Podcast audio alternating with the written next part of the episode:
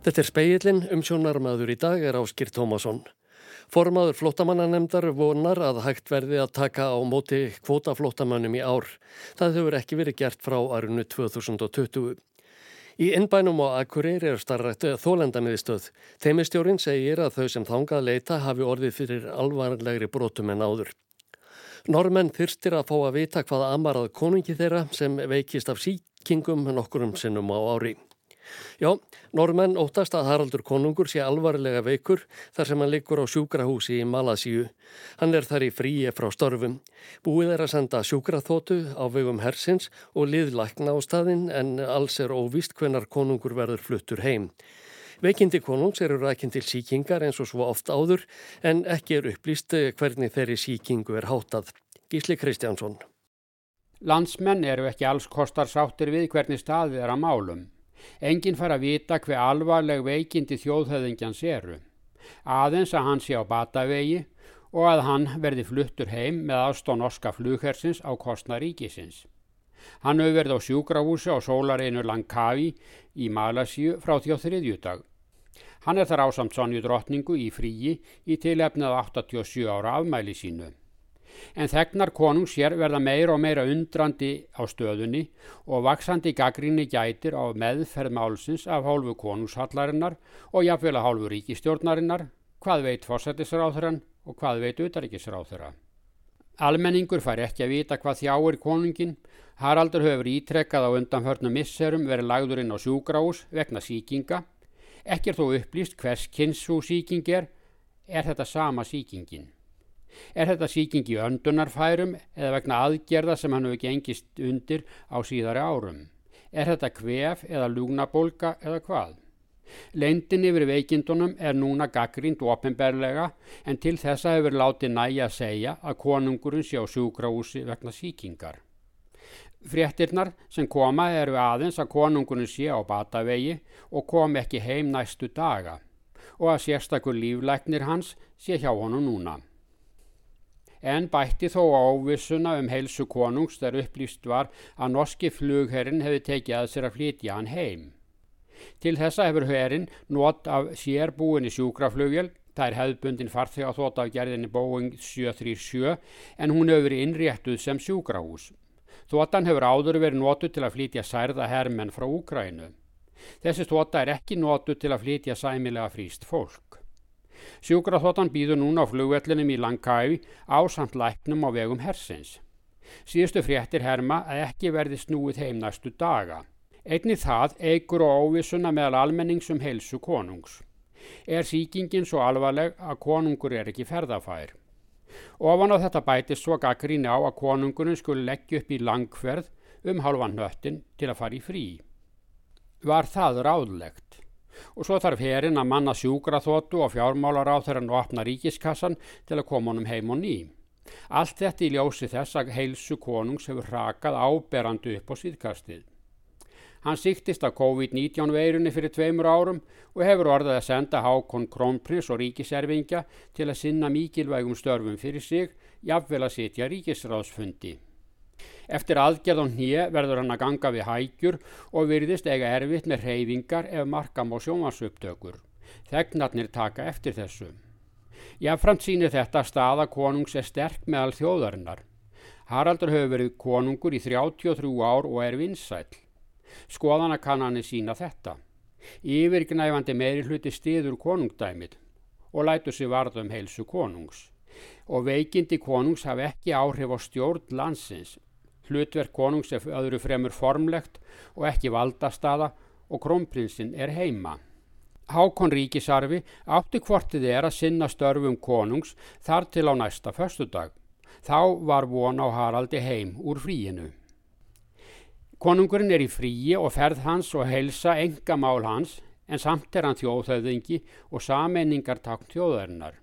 Almannatenglar konungshallarinnar og jáfnveil ríkistjórnarinnar sæta gaggríni fyrir að segja ekki landsbönum nákvæmlega hver staðan er.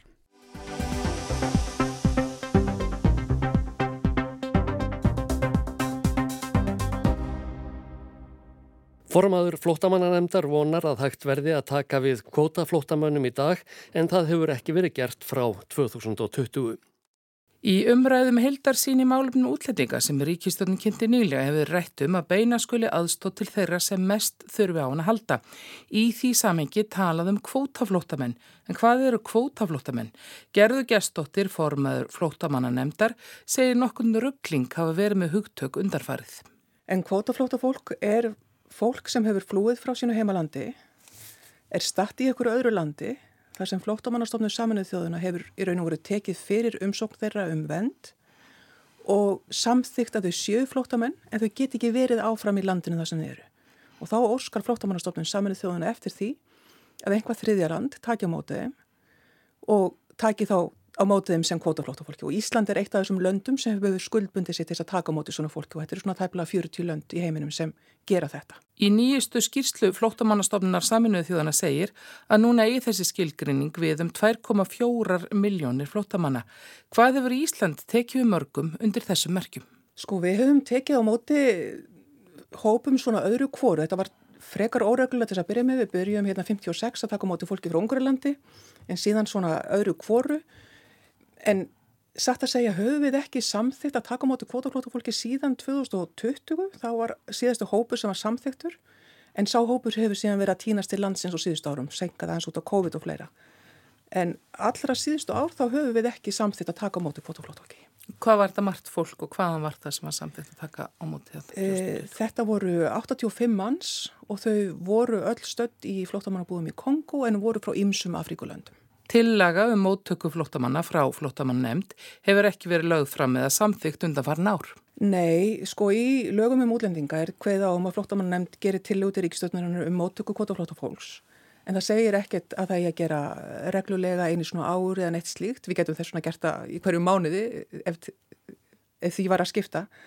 En það þarf náttúrulega að vera vilji til þess að taka á móti hóp og það einhvern veginn hefur ekki verið mikil viljið þess að taka móti fólki undanfarið og þá aðalega vegna þess að það eru svo margir að koma á eigin vegum og, og, og þess vegna hefur verið svona smá brems á þessu en í raun og veru er þetta allt annar hópur sem kemur sem kvótaflótamenn heldur en þeir sem kom á eigin vegum og skætti vend. Að því að þeir sem eru kvótaflótamenn það er fólk sem hefur ekki komist lengra heldur en bara í næsta land við eða eitthvað mjög stutt og þetta er yfirleitt fólk sem til eru hópum sem eru mjög viðkvæmir og get ekki farið í langan flóta og þetta eru hópar eins og einstæða mæður, e, fylgdaleg spöld, þetta eru konur sem eru þólandur kynferðisópeldis, þetta eru fólk sem til er alls konar minnilitahópum vegna trúar, vegna kynneðar og svo framvegis. Og þarf nöðsilega á því halda að vera bóðið að koma, þau get ekki farið á einu vegum. Og þess vegna er svo mikilvægt að lönd heimsins taki á mótu þessum hópi af því að þetta er þessi viðkvæmi hópur sem virkilega, virkilega þarf á venda að halda. Sko, þegar talipanir tóku völdin í Afganistan, þá var samþitt að taka móti ákveðnum hópi Afgana. E, það var ákveðið að, að setja það undir hatt kvóta, bara þess að gera móttökuna þægilegri, en í raun og veru var það fólk sem var ennþá í eigin landi, svo að þau í sjálfum sér uppfyll ekki skilurinn fyrir því að vera kvóti, en það var samt ákveðið að flokka þessum slík. Þegar einra sem var gerði í Úkrænu, þá var ákveðið að gera eins og Evrópa að leifa bara öllum að koma sem eru frá Ukrænu e, en á sama tíma var líka samþygt að taka sérstaklega á móti fólki sem væri veikt, veikum börnum og svo framvegis. Þeir sem hafa óskað eftir að koma í gegnum það kefi hafa komið og eru þá flokkaði sem kótaflóttamenn en satt að segja er ekki margir sem hafa óska eftir því? En það hefur verið tekið á mótu öllum sem hafa beðið um það. Er munur á móttöku og þjó, þjónustin sem fólk fær eftir því hvaða leiða kemur? Ekki lengur, það var það. Hér áður fyrir þá tókuðu á mótu hópum og, og það var gerðu samningu við eitthvað eitt til dækið sveitafélag og, og síðan þegar hópurinn komu yfirleitt í, í einu lægi þá var bara þorpsátið og fánar og, og mikil gleði en síðan fór að fjölga þeim sem komi hér á eigin vegum og þá var ákveðið að það væri eðlilegt að það væri sambarlega þjónustu sem fólk fengi og þar var búin til þessi samræmda móttaka flótafólk sem við vinnum eftir núna. Svo að núna þegar kvotaflótafólk er að koma og í framtíðinni þá er í raun og voru samið við sveitafélag fyrir hvern og einstaklinga hverju og eina fjölskyld. Svo að fólk getur farið á mismöndi staði, fólk eru að koma á mismöndi tíma, svo að það er ekki lengur þessi, þessi viðburður en á, en á móti kemur að fólk er að fá samberlega þjónustu. Hafið þið gert tillögu um móttöku núna á þessu ári? Nei, það hefur ekki verið lög tillega fyrir ríkisvölduna ekki að taka móti fólki fyrir 21 eða 22 eða 23 en ekki ennþá fyrir 24 en ég er mjög vangóðum að það muni ganga til dæmis í þessari heildarsín í, í málöfnum útlendinga sem ríkisvöldunum var, var að senda út frétta tilkynningum það eru nú bennilega sagt byrjum orðum að það skuli þarna taka raustanlega á móti kvoturflótafólki ég er full bjart sína við munum gera það á þessu ári Síðustu ár hefur fólki sem sækir hér um alþjóðlega vernd fjölgað, umræðum álega af þess völdumorðið hávær. Gerður vinnur hjá Reykjavíkborg sem ráðgjafi fyrir flotta fólk sem er nýkominn til landsins. Hún segir þetta veki mikinn ugg hjá þeim sem leita hælis. Því ég er spanskumanandi að tala er ég mikið með fólk frá Venezuela og til dæmis þegar var verið að býða eftir niðurstu útlendinga, kærunendur útlendingamála um það hvort að það fengi áfram sjálfkafar af að þarna vernd á Íslandi þá var, fann ég fyrir óbúslega miklum óta og svo þegar var ákveðið að fara að senda Venezuela fólk tilbaka og byrja að, að, að senda flugvilar þangað þá er meir sér fólk sem er sko komið vend og er með leifi til fjögura ára ótaðist að nú er þið það sendt úr landi. Því við áttum okkur stundum ekki á því úr hvaða umhverju fólk er að koma það er að koma úr umhverju þar sem sko það er enga að treysta stjórnvöld vernda það ekki lauruglan vendar það ekki, það er algjörlega upp á sjálfs það getur áttu eitthvað í dag og það bara tekið af því á eftir.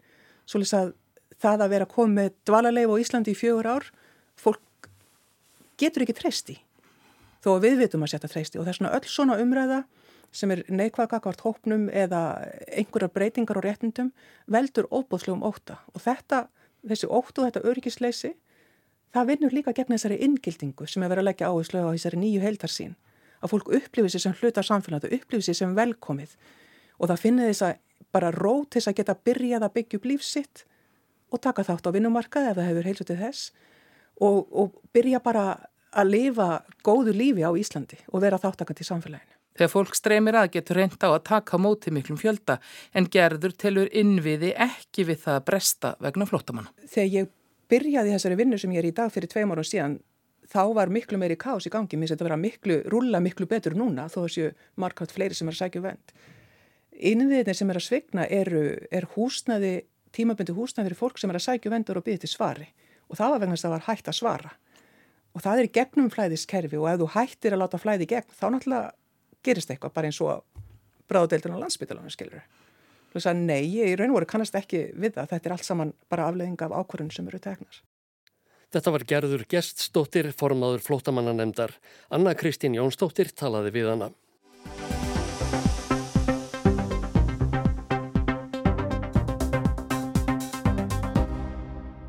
Teimistjóri í Bjarmalíð, þólendamiðstöð á Akureyri, segist finna fyrir því að þólendur af öllum kynjum verði fyrir alvarlegri brotum en áður. Aðeins einn starfsmaður starfar í miðstöðinni sem stendur þrátt fyrir að hún þjónusti þólendur um allt land. Bjarmalíð þólendamiðstöð er í fallegu húsi í innbænum á Akureyri. Þanga geta þau sem beitt hafa verið hverskins ofbeldi leitað eftir fagleiri aðstóði þólendavænu umhverfi. Starfsemin er byggð á hugmyndafræði sem á ennsku kallast Family Justice Center og miðar að því að þólendur geti leitað á einn og sama staðin eftir hverskins aðstóð. Kristín Snoradóttir er teimistjóri í Bjarmalíð. Hugmyndafræðin er svo að þólandu ofbeldiðs kemur til mín, ég hlusta, ég greini og ég leiði þennan þólanda í þá átt sem hann þarf að fara. Þarf hann að hitta lauruglu, þarf hann að hitta Uh, annan fagaðila sem er í þúlendamiðar þjónustu, ráðgjöf þannig að ég er svona auðvelda leiðinni gegnum kerfið.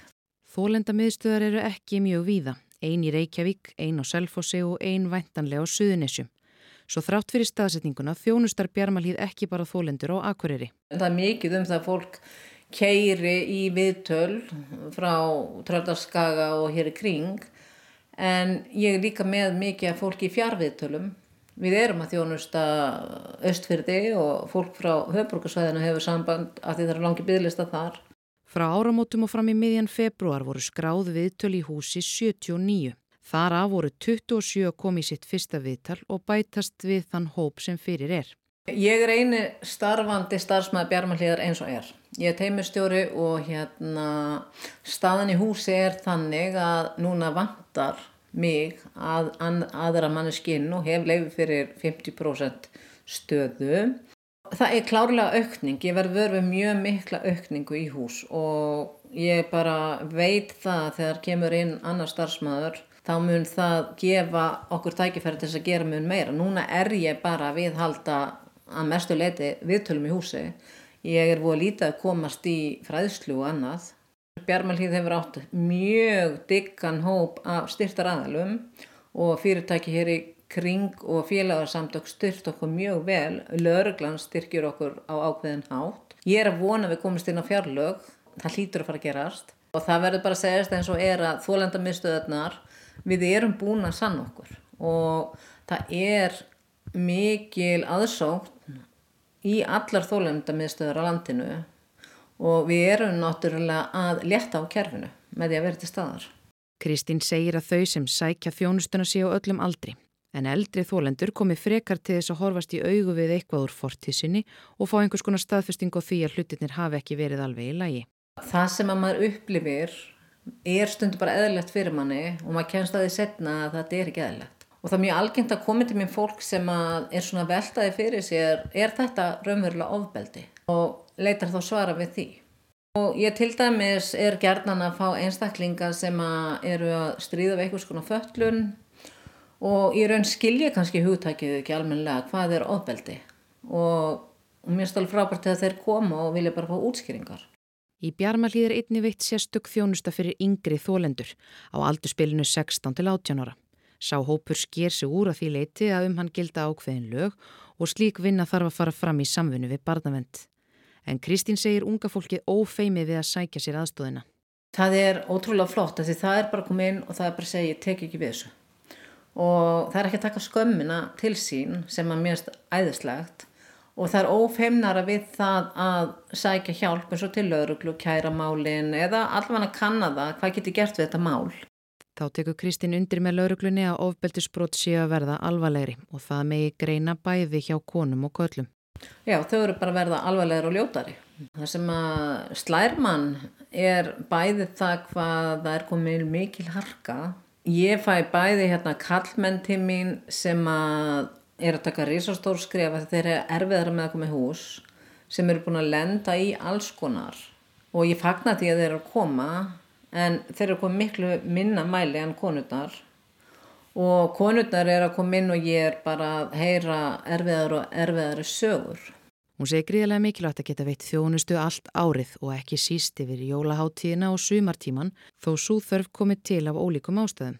Það er herra sko spennusti í gegn, kringum hátíðir. Þá er meiri streyta og meiri spennusti og það klárlega hefur áhrif á þennan málaflokk og yfir sumarið að þá er það oft meiri neysla og, hérna, og minna utanumhald, sérstaklega á yngri hónum. Bjarmalíð fagnar fimm ára starfsafmæli í ár og heilt á liti segist Kristín vera nokkuð ánað með þá þjónustu sem nú sé í bóði. Það megi þó vissulega alltaf gera betur og nefnir hún þar helst aukna fræðslu um ofbeldi sem sé líkillina því að uppræta slíka hegðun. Besta ammaluskefin sem að Bjarmalíð fengi væri að komast í þá stöðu að þurfa ekki að áhyggjara peningum og geta virkilega farið þarna út með vitunda vakningu um það hvað er ofbeldi og hvernig bregðustu við og hvernig upprætu við það. Vakin er aðtikli á því að lókum að öll þau sem telja sig þurfa á aðstóða halda vegna hverskins ofbeldis geta leita sér nánari upplýsinga á bjarmalið.is. Selma Margret Sverristóttir tók saman og talaði við Kristínu Snorradóttur, teimistjóra í Bjarmalið. Fleira er ekki í speklinum, taknimaður var Magnús Þorsteit Magnússon. Hægt er að hlusta á þáttin í spilararúf og helstu hlaðvarpsveitum. Góðar stundir.